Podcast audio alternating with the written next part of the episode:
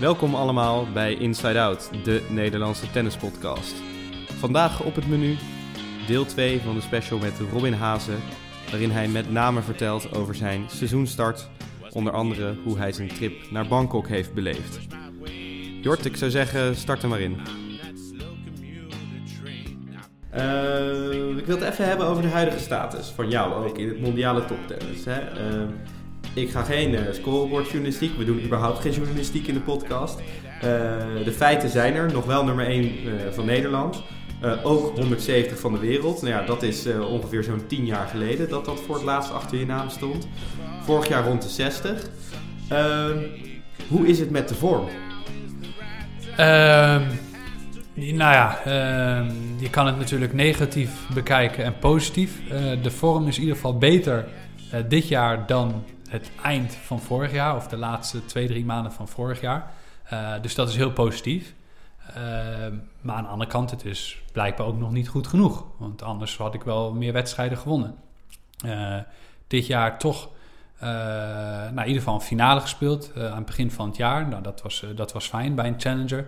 Dat betekent dat je gewoon in ieder geval meerdere rondes achter elkaar wint. Nou, hoe je het went of keert, dat heb ik al meer dan een jaar of anderhalf jaar niet gedaan. Dus, goed begin. Uh, uh, goede Davis Cup wedstrijden weer gespeeld, dus ook dat was mooi. Ehm, en uiteindelijk, eh, ja, Rotterdam, geweldige wedstrijd tegen Goffin gespeeld, maar uiteindelijk niet gewonnen. Ehm, dus het niveau en de vorm is absoluut beter. Ehm, maar ja, de overwinningen had ik graag gezien dat het er wat meer zouden zijn. Ehm, maar het is, het is op dit moment gewoon ja, nog net niet. En, en uh, soms is het even bepaalde keuzes. Uh, andere keren moet ik ook gewoon zeggen, heel goed van de ander. Um, en, en, en ja, en moet je het daar maar even mee doen. En het, is, het is nog steeds ja, een beetje een bittere pil als het ware. Maar ja, je moet er doorheen. En en daarom probeer ik het vooral positief te, te zien. Ja, vind ik mooi. Eh, ik, ik wrijf in mijn handen. Dit biedt genoeg haakjes voor me. uh, als allereerst natuurlijk uh, bewonderenswaardig. Ik denk dat uh, december of zoiets kwam volgens mij het bericht... Robin Hazen heeft, weet ik, tig tientallen Grand Slams achter elkaar gespeeld. hij kan nu kwalificaties gaan spelen... maar hij kiest voor Challengers 2 in Bangkok. Nou, toen lazen wij dat, Jort en ik, en toen dachten we, nou, dat, dat is wel echt moedig. Van uh, tientallen Grand Slams naar twee challengers in Bangkok. Dus ik ben wel benieuwd naar hoe, hoe dat proces voor jou ging. En daarna kun je ons even meenemen naar dat tripje Bangkok. Nou ja, het proces is op zich best gecompliceerd. het is aan de ene kant heel simpel, aan de andere kant is het heel gecompliceerd, want er komen gewoon heel veel dingen bij kijken. Ehm, als aan het begin van het jaar niet Australian Open was geweest, maar ik zeg maar Roland Garros, dan had ik gewoon Roland Garros quali gespeeld. Maar ik dacht, oké, ik kan nu een hele verre reis gaan maken, waarvan ik dan misschien één challenger kan spelen. Uh, of een ATP-toernooi. Nou, en ik wilde dan, dan dacht ik, nou oké, dan ga ik dat ATP-toernooi quali spelen. En dan hoofdtoernooi dubbel. En dan ga ik door naar de Australian Open. Toen bleek al snel, oh, maar misschien kom ik zelfs niet eens in de quali in. Dus ga ik dan alleen maar dubbelen? Of ga ik dan toch naar de Challenger? Maar de Challenger is ook weer heel ver reizen om vervolgens dan naar Australian Open te gaan. Oké, wat ga ik Australian Open doen? Ga ik Australian Open alleen quali spelen of ga ik Australian Open ook intekenen voor de dubbel? Maar als ik de dubbel daar zou spelen, kan je de Challenger daarna weer niet. Dan kan ik in de, eigenlijk in de, stel ik zou kwalificatie verliezen, slechtste scenario van de Australian Open, blijf ik daar, dan slechtste scenario van de dubbel is derde ronde verliezen. Dat betekent dat je zowel de eerste week van het hoofdtoernooi, maar ook de tweede week van het hoofdtoernooi weer niet kan singelen. Ja, en dan denk ik, oh, hm, oké, dus als ik alleen maar zou dubbelen bij het ATP-toernooi en ik zou dan quali Australian Open, maar ik zou eerste ronde verliezen en ik blijf daarvoor dubbel, heb ik in de eerste zes weken één single gespeeld. Hm, hm. Nou, dat is eigenlijk ook niet zo handig. Nou, best case scenario, ik kwalificeer me, ik speel goed, maar ik verlies. Maar eigenlijk qua punten levert dat ook niet zoveel op. Geld wel, maar punten niet. Oké, nou, misschien moet ik dan een keer de keus maken. We laten die hele lange reis aan het begin van het jaar schieten. Maar ik ga dan, oké, het is nog steeds een lange reis, maar ik ga naar Thailand, want er waren niet veel andere mogelijkheden. En ik begin daar. zijn misschien ook wat zwakkere toernooien. Eh, en dan kan je in ieder geval dat wat je wil, meer wedstrijden achter elkaar spelen. Uh, toch dat nieuwe racket, wat ik toch heb gewisseld, om daar dan gelijk zoveel mogelijk vertrouwen in te krijgen. Uh, nou, toen hebben we uiteindelijk daarvoor besloten. En, en eigenlijk de Sweden Open links te laten liggen. En, nou, en het pakte in zoverre goed uit dat ik in ieder geval één finale heb gespeeld. Ehm, en het grappige was dat die toernooi helemaal niet zo zwak waren. Sterker nog, ze waren echt heel sterk. Op een gegeven moment was het eigenlijk wel heel mooi om te zien. Uh, stonden we uh, met z'n zessen te trainen op drie banen. En dat waren allemaal voormalig top 100 spelers. En toen kwamen de tweede baan op en dat waren ook voormalig top 100 spelers. Dus dat was eigenlijk wel heel geinig om te zien dat daar gewoon ontzettend veel jongens waren die ja, ons hoog niveau speelden. En dat was bijvoorbeeld een Wesley, Yaziri, Istomin, uh, Olivo. Uh, die andere weet ik nu even niet. Maar ja, echt heel bijzonder. Ja, ik was er ook zelf ook bij. Uh, en uh, nou ja, uiteindelijk die toernooien, die speel je. en heel motiverend om daar te zijn, is, is het niet. Maar je weet natuurlijk waarvoor je doet. En ja, en, dat als je dan voor twee Nederlanders speelt in de eerste wedstrijd en op een gegeven moment nog een keer voor twee, die dan later in de tweede week een keer komen. En verder is er echt nul publiek, behalve in de finale. Toen waren er misschien een stuk of 15, 20. Uh, ja, dat is natuurlijk uh, niet waarvoor je eigenlijk uh, tennist. Um, en was dat toch wel even apart. Maar aan de andere kant ook helemaal prima. Want ja, je weet, hier wil ik ook zo snel mogelijk uit. Nou, ik vind het wel heel knap.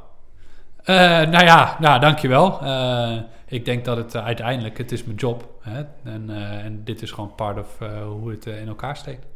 Waarom denk je dan dat het zo sterk was? Nou, ik denk dat meerdere jongens eigenlijk dezelfde gedachten hadden die, die ik had.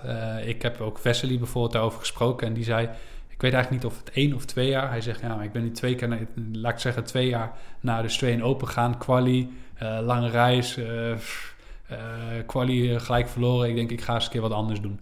Nou ja, zelfs een Istelmin die van Djokovic op de Open eigenlijk nog niet eens zo heel lang geleden won.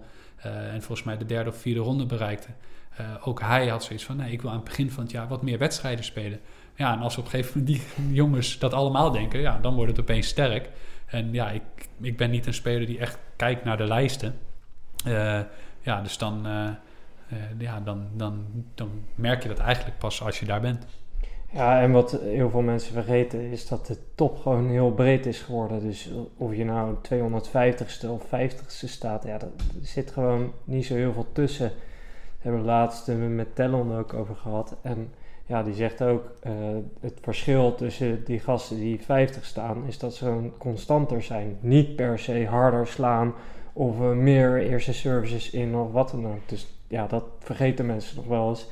En dan is het heel makkelijk uh, op teletext kijken van... oh, Robin heeft weer verloren van iemand die ik niet ken. het zal wel klaar zijn met hem. Dat is tenminste wat ik regelmatig hoor van mensen die het ja, minder volgen... of de mensen die meer aan scorebordjournalistiek doen.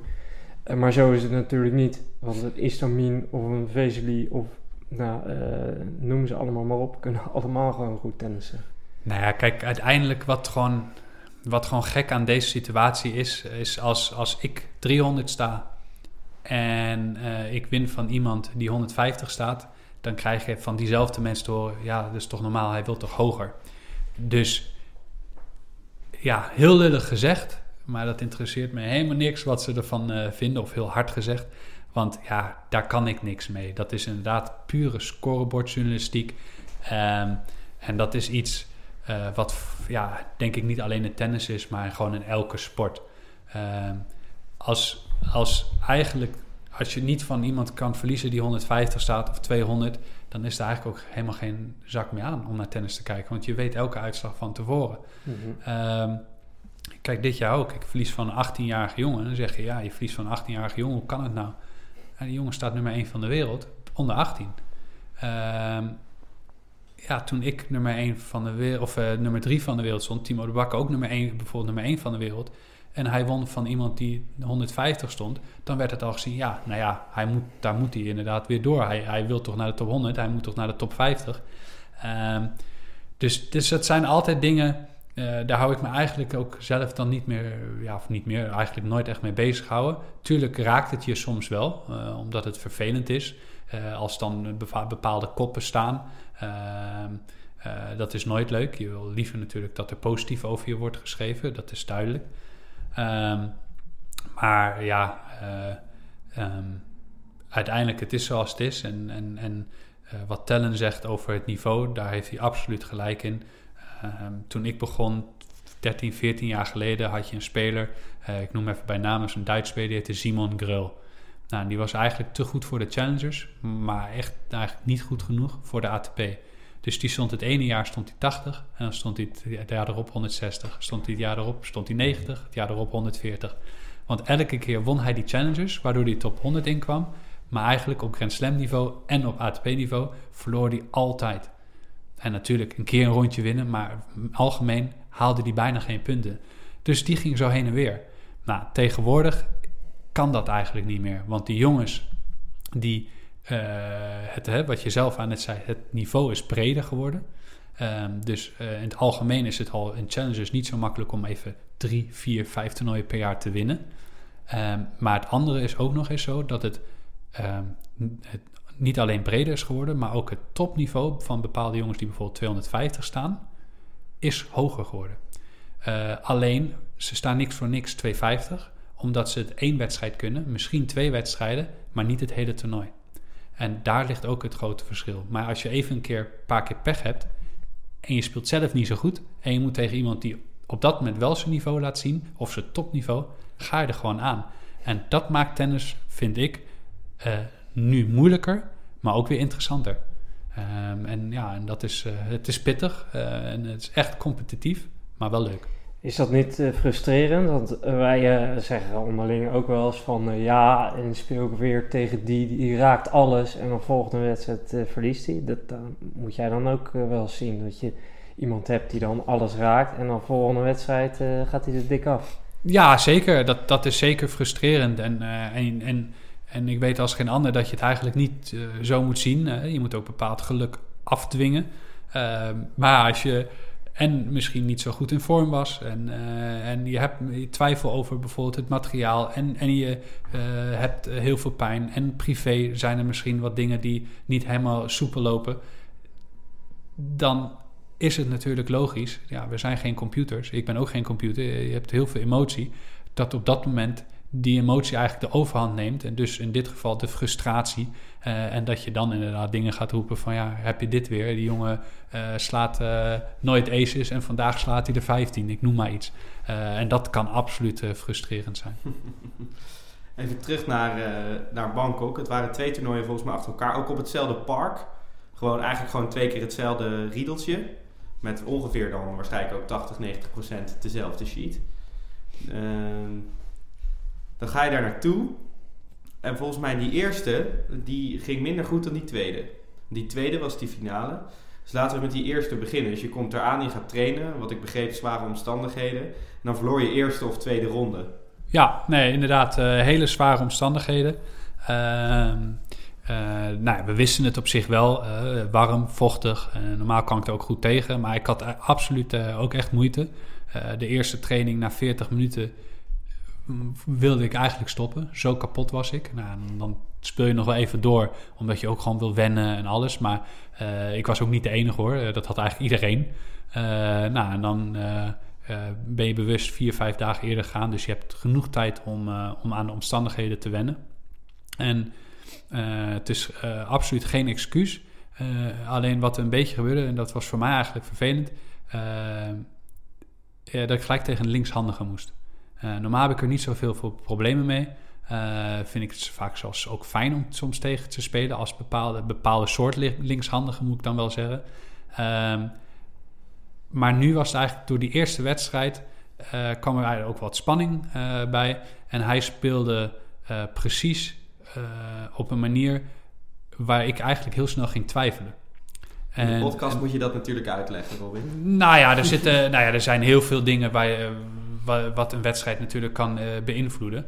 Uh, maar uiteindelijk, uh, ik kwam snel een, een, een break achter. Ehm, hij speelde, hij serveerde bijvoorbeeld erg goed. Dus ik kwam, ik kwam niet goed in de rally. Ehm, en, en, uiteindelijk speelde hij bepaalde ballen waar ik gewoon, als ik nerveus word of gewoon spanning heb, gewoon niet zo goed kan handelen. Um, nou ja, en, en dat kan vooral een linkshandige speler. Nou ja, en dan is het natuurlijk uh, begrijpelijk dat je uh, misschien die druk gewoon gaat voelen. Uh, gelukkig na de eerste set viel ook alles een beetje van mijn schouders. Begon ik beter te spelen, win ook die tweede set. En de eerste twee games sta ik 2-0 achter. En daar had ik, ik weet niet hoe ik ze heb verloren, maar daar had ik gewoon 2-0 voor moeten staan. Um, ja, en vanaf dat moment liep ik achter de feiten aan. En was het geen eerste wedstrijd die je graag wil. Ehm, ik, moest ook, ik moet eerlijk bekennen dat ik uh, de, die twee, drie dagen daarna in de trainingen echt, echt helemaal gek werd. Uh, ik, ik kon bijna niet meer tennissen. Zo slecht speelde ik, zo slecht voelde ik me. Maar fysiek of gewoon nee, de ballen uh, niet gewoon, raken? Gewoon... gewoon de ballen niet raken. Mentaal gewoon niet, niet, niet het geloof hebben. twijfelen, heb ik wel de goede keuze gemaakt om hier naartoe te komen? Uiteindelijk slaat het natuurlijk nergens op. Want als je bij een challenger eerste ronde niet kan winnen ga je zeker ook die Australian Open quali niet uh, doorkomen. Uh, maar ja, je gaat toch twijfelen aan alles. En, uh, en, en daarom ben ik helemaal blij hoe ik uiteindelijk het heb omgezet om vervolgens die finale te halen. in, in wat ik vond mijn zwaarste lichamelijke week tennissen ooit. ik, heb, ja, ik heb echt nooit heel veel moeite met zon of vochtigheid. Maar daar was ik elke keer kapot. Gelukkig tot aan de finale met tegenstanders ook. Alleen de finale niet. Uh, en won hij het echt uh, puur op fysiek. Hoe, want je had dus eigenlijk, je, je verloor in week 1, had je twee, drie dagen, dat is eigenlijk niks. Toen even een weekendje, zeg maar, en dan komt een nieuwe loting. Hoe zet je dan de knop om? Uh, nou ja, hoe, dat, dat zou ik eigenlijk ook niet eens weten. je doet het gewoon. En, en uh, ja, waarom twijfel je? Ja, dat, dat, weet je soms ook niet. Je, hè? Waarom ben je soms gefrustreerd? Waarom ben je boos? Uh, waarom kan je soms uh, niet in slaap komen? dat zijn allemaal dingen. Ja, als je het altijd antwoord zou hebben, dan zou het heel makkelijk zijn. in dit geval, ik denk sowieso dat een van mijn sterkste kwaliteiten, die ik sowieso heb in tennis, maar ook denk ik in het leven, om van ja, een dreun of van een klap of van een verlies om gewoon weer terug te komen. Um, dus ondanks dat ik bij wijze van spreken ook helemaal geen zin had om te trainen en ik was slecht, stond ik er wel en ik probeerde eraan te werken. Alleen het lukte me gewoon niet. Um, en, en, en daarom was het juist eigenlijk des te knapper dat ik toch die tweede week uh, in Bangkok de finale haalde. Weet je nog uh, je eerste ronde in het tweede toernooi dan?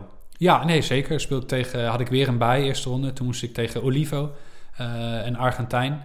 Um, ook top 100 gestaan. Uh, ook de, inderdaad top 100 staan. Ook uh, eerder tegen gespeeld. ooit in, volgens mij 2013 in Gestaat. nou, is een jongen die zich echt vast kan bijten in een wedstrijd. dat had ik ook nog in mijn notitieboekje staan. nou, andere dingetjes qua tactiek, die klopte ook nog helemaal. Dus dat was mooi. in de eerste set kwam ik bij volgens mij 2-2 of 3-2 uh, achter uh, kwam ik uh, twee breekkansen tegen. waarvan eentje hij echt eigenlijk een, een, een makkelijke voorhand had. Die miste. En, en dat was eigenlijk in die wedstrijd mijn geluk. Als hij die maakt, loopt die wedstrijd heel anders. Nu maakte hij hem niet. Ik speelde daarna goede services, een hele goede game. Ik brak hem en trok die wedstrijd heel makkelijk 6-3, 6-3 naar me toe. Nou, en, en, en die vechtjas die hij is, daar kwam ook helemaal niks van terug. Ik had hem gewoon helemaal. Hij was gewoon, ja, uh, hij, hij, hij zag geen uitweg meer om die wedstrijd om te kunnen draaien. Nou, dus dat was fijn. En, en, en eigenlijk vanaf dat moment begon het toernooi eigenlijk al voor, voor mij te lopen.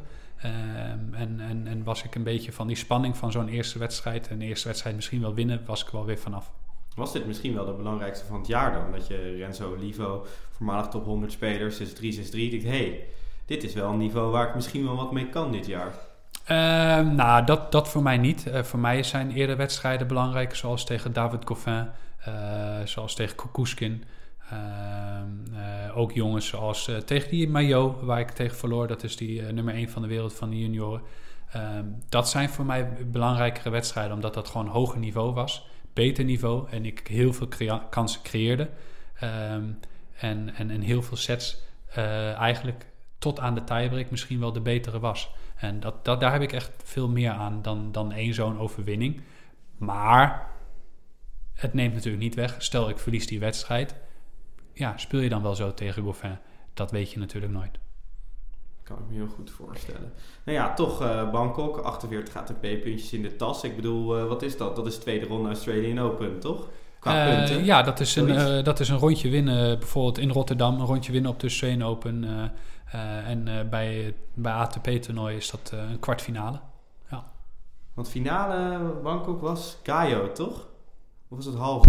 Oh, nee, dat was inderdaad Gaio, de Italiaan. Ja. Ja. Die hebben wij zien spelen, toch, Jort? In Spanje. Kerel kon volgens mij wel aardig Mm, serveren. ja. Grote kerel, toch? Eh, hij, eh, hij, is, eh, hij is niet heel lang, maar hij is heel sterk en, eh, en breed. Eh, en dus, dus daarom inderdaad lijkt hij heel groot. Ehm, ik zag hem die wedstrijd daarvoor serveren. Maar dat vond ik eigenlijk niet zo bijzonder. Nou, eh, inderdaad, tegen mij eh, merkte ik inderdaad... zijn service, die is toch wel wat beter dan gedacht. Eh, maar hij was vooral ongelooflijk fit... Ehm, en, en ja, en ik heb ook, ja, ik geef bijna nooit op, maar ik moest ook daadwerkelijk opgeven in die derde set, omdat ik gewoon niet meer kon. Eh, de man met de hamer, die, eh, die kwam gelijk met twee vrienden. En, eh, die sloegen me helemaal kapot. Ja. Ja, wat ik nog van Gaio herinner is dat hij eigenlijk bijna geen beweging maakt. Maar wel een hele snelle arm heeft. Dus hij staat vrij rechtop volgens mij. Een vrij korte beweging, compact. Weinig heup, wei- niet bijstappen, wat dan ook. Gewoon opgooien en wegtimmeren. Ja, nee, dat, eh, dat deed hij inderdaad ook. En eh, met afwisseling van een serve volley. Eh, zijn backhand is eigenlijk niet zo goed, maar zijn slice wel. Ehm, nou, het was een snel baantje, dus die slice bleef ook heel laag. En, en, en de eerste set was hij ook echt, echt goed en verloor ik kansloos. De tweede set draaide ik echt helemaal om. En ik dacht ook, nou ja, dit, dat was eigenlijk ook mijn beste set van het hele toernooi. En ik denk, nou, nu pak ik hem. Alleen, ja, vier games later, ja, wat ik zei, kwam de man met de hamer. Zonde, want ik dacht nog, Robin Haase verliest eigenlijk nooit, eh, bijna nooit Challenger finales. Nee, stond klopt. volgens mij uit eh, 9 uit 10 of 8 uit 9 of 10 uit 11, zoiets. Ja, ja, ik weet niet precies, maar ik heb er eh, denk ik twee verloren en inderdaad elf gewonnen, zoiets. Ja, maar ik weet niet, niet exact. Want het is natuurlijk wel zo, uiteindelijk is die, eh, zeker voor de punten, is die eh, wedstrijd in de finale, die doet er natuurlijk eigenlijk toe. Ja, zeker. ja, ja. dat is toch knap dat je die statistieken tot nu toe hebt. Jammer van deze natuurlijk, maar Nou, dat had ook eh, absoluut geholpen. Ehm, niet alleen de ranking, maar gewoon algemeen. Zo'n titel is een titel, dat is mooi. Eh, je bent in die week gewoon de beste. En eh, nou, dat geeft je een, een goed gevoel. Ehm, nu was het toch een beetje een domper. Ehm, maar vooral de positieve dingen eruit halen. En daar waren heel veel momenten in, die, in dat toernooi. breekkansen tegen, allemaal weggewerkt. Eh, eh, spannende punten, tiebreaks gewonnen. Ehm, eh, goed doorgezet, weinig weggegeven. De balans tussen aanval en, en defensief spelen, die was gewoon heel goed. Nou, dat soort dingen, dat, dat moet je gewoon meenemen. En dat het algemeen niveau alles beter kan, absoluut. Maar heel veel positieve dingen eruit halen. Ik wil toch nog even terugkomen op, op het notitieboekje wat je, waar je het net over had. Doe je dat al je hele carrière? Ehm, nou, ik heb, ik heb niet mijn hele carrière alles opgeschreven, maar het zit, eh, het zit wel veel in mijn hoofd. Eh, ik ben op een gegeven moment met Raymond Knaap zijn we echt, eh, nou ja, in dit geval moet ik eigenlijk de laptop, hè, notitieboekje, tegenwoordig is dat de laptop of de iPad of de telefoon, Ehm, schrijven we eigenlijk al onze tegenstanders op. Eh, ehm, zowel op mentaal vlak, wat ze maar ook tactisch, misschien wel fysiek wat we zien. Ehm, en, en, en daar, eh, eh, ja, dat is toch fijn als je die notities eh, maakt. Want vaak dan kan je het toch even voor de wedstrijd nog beter voorbereiden. Vaak als je op de baan staat dan, dan, en je speelt in, dan je, oh ja, dat deed hij, dat deed hij. Of dan komt er een situatie in, oh ja, dit deed hij in die andere wedstrijden. Eh, maar als je dat toch van tevoren hebt gelezen, dan zit het al wat beter in je hoofd. Doe je dat bijvoorbeeld ook als je tegen Goffin speelt? Want daar, die heb je natuurlijk vaker tegen gespeeld. Eh, is natuurlijk ook een bekendere speler dan eh, Renzo eh, Olivo. Ja. Maar doe je dat ook bij Goffin? Elke keer na de wedstrijd notities maken? Ehm, nou, daar, daar vul je het als het ware bij. Hè? Dus, of aan. Hè? Dus, dus als er iets is wat, wat goed werkt, dan, dan ja, benadruk je dat misschien nog eens een keer. Ehm, eh, je, je, er vallen misschien op een gegeven moment, omdat het, ja, als je natuurlijk zes, zeven, acht keer tegen iemand speelt, vallen er misschien ook andere dingen op, van voorkeuren met serveren. Bij één of twee wedstrijden kan je soms al dingen weten, maar na zes, zeven, acht wedstrijden zeker. Ehm, ja, kijk, uh, uiteindelijk uh, ook daar, dat is, het is maar net hoe je het wil zien. Ik heb maar één keer tegen hem gewonnen en nou, ik geen idee, zes, zeven keer verloren. Um, maar eigenlijk altijd met heel veel kansen. Ja, dan kan je dus zeggen van ja, je moet een andere tactiek gebruiken of uh, ja, wat doe je nou niet goed? Maar aan de andere kant, je kan ook zeggen, ja, hij staat top 10 van de wereld en ik sta nu 170 of dat nou 50 of 170. Blijkbaar doe ik heel veel dingen heel erg goed om kans te maken dat ik, dat ik uiteindelijk die wedstrijd win. Uh, en, en, en, en ja, ligt het op een paar puntjes. En zeker dit jaar in Rotterdam had ik echt zoiets van... Ja, hoe heb ik deze wedstrijd in godsnaam verloren? Andere wedstrijden, dan, dan zeg je vaak van... oh ja, nee, daar heb ik op een gegeven moment ben ik, heb ik afgeweken van mijn speltype... of uh, daar heb ik het mentaal laten afweten... of daar heb ik dit gedaan. En nu had ik echt zoiets na die wedstrijd van... ja, hm, dat kan er ook wel weer bij. Hm, zonde. Ja, ja, dat was zeker zonde. Ja.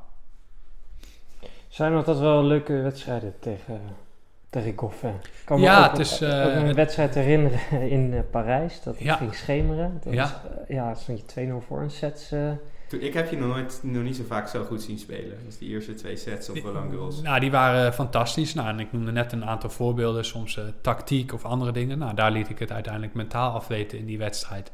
Eh, en dat moet je jezelf ook echt kwalijk nemen, want dat, dat zijn dingen die, die, die, die heb je zelf op een gegeven moment in de hand. Ik had toevallig van de week een interview en dan vroegen ze me over de wedstrijd die ik ooit heb gespeeld tegen Nadal Wimbledon. Eh, en wat, Ja. ik daar nog, eh, wat ik daar nog aan, aan weet. En ik zeg, nou ja, die wedstrijd, maar ook bijvoorbeeld een wedstrijd tegen Bautista Agut in Auckland, eh, waar ik ze- eh, 7-6, eh, 7-6, 7 verloor. Ehm, dat zijn wedstrijden, daar schud je de hand en dan zeg je gefeliciteerd, maar je zegt ook too good. Want ik kan mezelf eigenlijk niks verwijten. Ik heb gewoon een fantastische wedstrijd gespeeld en ja, het was een geweldige eh, competitieve wedstrijd. En als er nou eens een keer een wedstrijd zou zijn hè, dat niemand kan winnen of allebei winnen, dan was het zo'n wedstrijd. Nou, die zijn in je hele carrière op een hand te tellen. Ehm, ehm, en en eh, ja, en dan, ja, dan neem je die bij wijze van spreken in je rugzak mee van mooi. Maar daar, ja, uiteindelijk echt heel veel leren doe je er dan ook niet van. Nou, bijvoorbeeld tegen die wedstrijd van Goffin. Ja, daar leer je natuurlijk ontzettend veel van. Eh, het is jammer dat het gebeurt. Maar uiteindelijk moet je het wel omzetten in, eh, in, in, in iets positiefs. Hey, ehm, laatste onderwerpje. Kijk, we hebben nu natuurlijk deze situatie. Maar hoe zag je schema eruit? Omdat ik gewoon geïnteresseerd ben is hoe jij naar zo'n seizoen kijkt. Ook met deze ranking. Betekent dat je gaat gewoon in Europa lekker challenger spelen? Of probeer je toch de grote toernooien te kwalien? Pak je er een dubbel bij? Hoe, heb je de, hoe had je, eh, los van deze hele situatie, hoe had je je seizoen ingedeeld? Het komt er nu toch niet meer van. Nee, nou ja, dat, dat, dat, die veranderde eigenlijk met de dag op een gegeven moment. Zeker in de Davis Cup. Eh, omdat eh, Jules Royer misschien een aantal toernooien wilde dubbelen. Nou, dat betekende dus dat, dat hij zou dubbelen, willen dubbelen in Madrid, Rome, Roland Garros.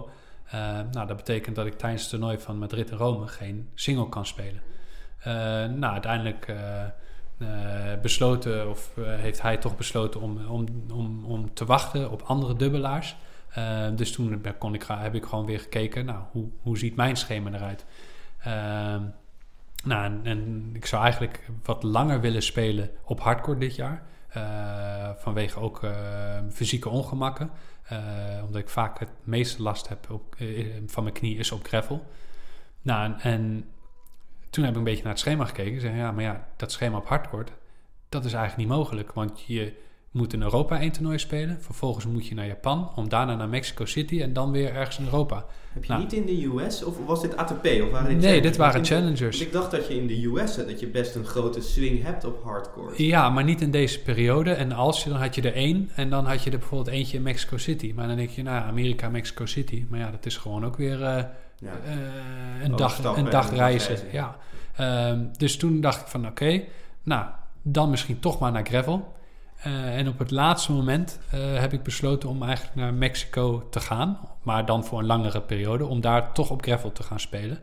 Ehm, maar uiteindelijk ja, eh, is dat er natuurlijk nu niet van gekomen. Ehm, en had ik eigenlijk die toernooien eerst gespeeld.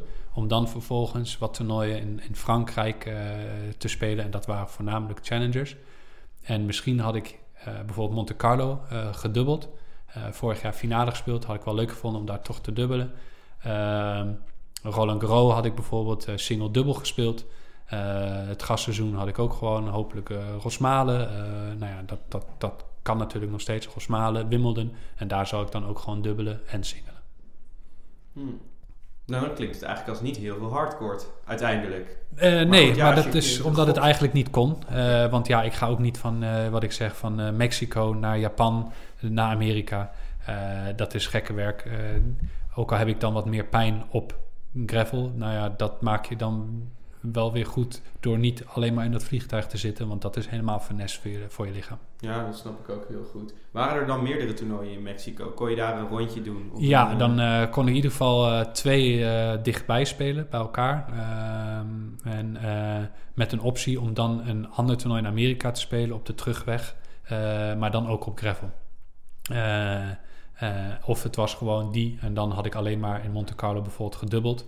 Eh, dus dan had ik, eh, had ik ook niet, niet heel veel ballast van het vliegen en dan moeten singelen. Maar gewoon ja, een dubbel spelen. Nou ja, en in Frankrijk heb je er natuurlijk wel een aantal uit Ja. mijn hoofd. Ja, nee, je hebt Bordeaux, Aix-en-Provence, die dan later zouden komen tijdens Rome en Madrid. Eh, die was al later? geweest. Oh, nee, die is al geweest. Quimper, die waren op hardcourt. En de enige die ik nog had gespeeld op hardcourt was in Lille geweest. Eh, en je had ook nog Saint-Prieux. Ehm, en die Saint-Prieux had ik dus dan laten schieten. En dan, omdat ik dan al naar Mexico was gegaan. Ja, nou, klinkt als een goed seizoen. Ja, nu dus niet meer. Nee, helaas. Eh, ATP bevriest de punten, toch Jort? Ja, Of ja, je, voor, je weet tot, het ook. tot eh, ja, verder eh, ja, beslissing. Ze hebben het voorlopig in ieder geval besloten. Dus het is gewoon afwachten wat er gaat Ja. gebeuren. Nou, zeker afwachten. En eh, ik, heb, eh, ik heb er zelf wel eens over nagedacht van ja, wat is nou de beste de oplossing?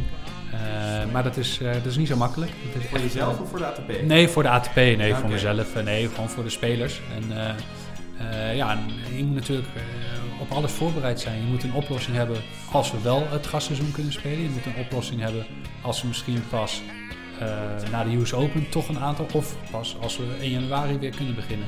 Eh, dus het is eh, denk ik best wel lastig om, om daar uiteindelijk voor iedereen een, een mooie oplossing te vinden. Maar wel interessant. Nou, ik ben benieuwd. Ja, je hoeft je in ieder geval over je schema de komende tijd eventjes niet druk te maken. Goed uitrusten, dan weer een mooi schemaatje oppakken. Laat het ons weten als je nog een sparringpartner nodig hebt. Een privébaantje, Jort is in vorm. Ja, nou, ja, waarom niet? ik, eh, ik stel voor dat we lekker een eind aan gaan maken. Robin, eh, mooi dat je er even aan wilde sluiten bij ons. Eh, succes de komende maanden. Geniet ook een beetje van de tijd, voor zover het kan. Ook bedank ik natuurlijk weer de luisteraars van Inside Out. Laat weer even horen wat je ervan vond. En dan zien we jullie de volgende keer weer. Hoi!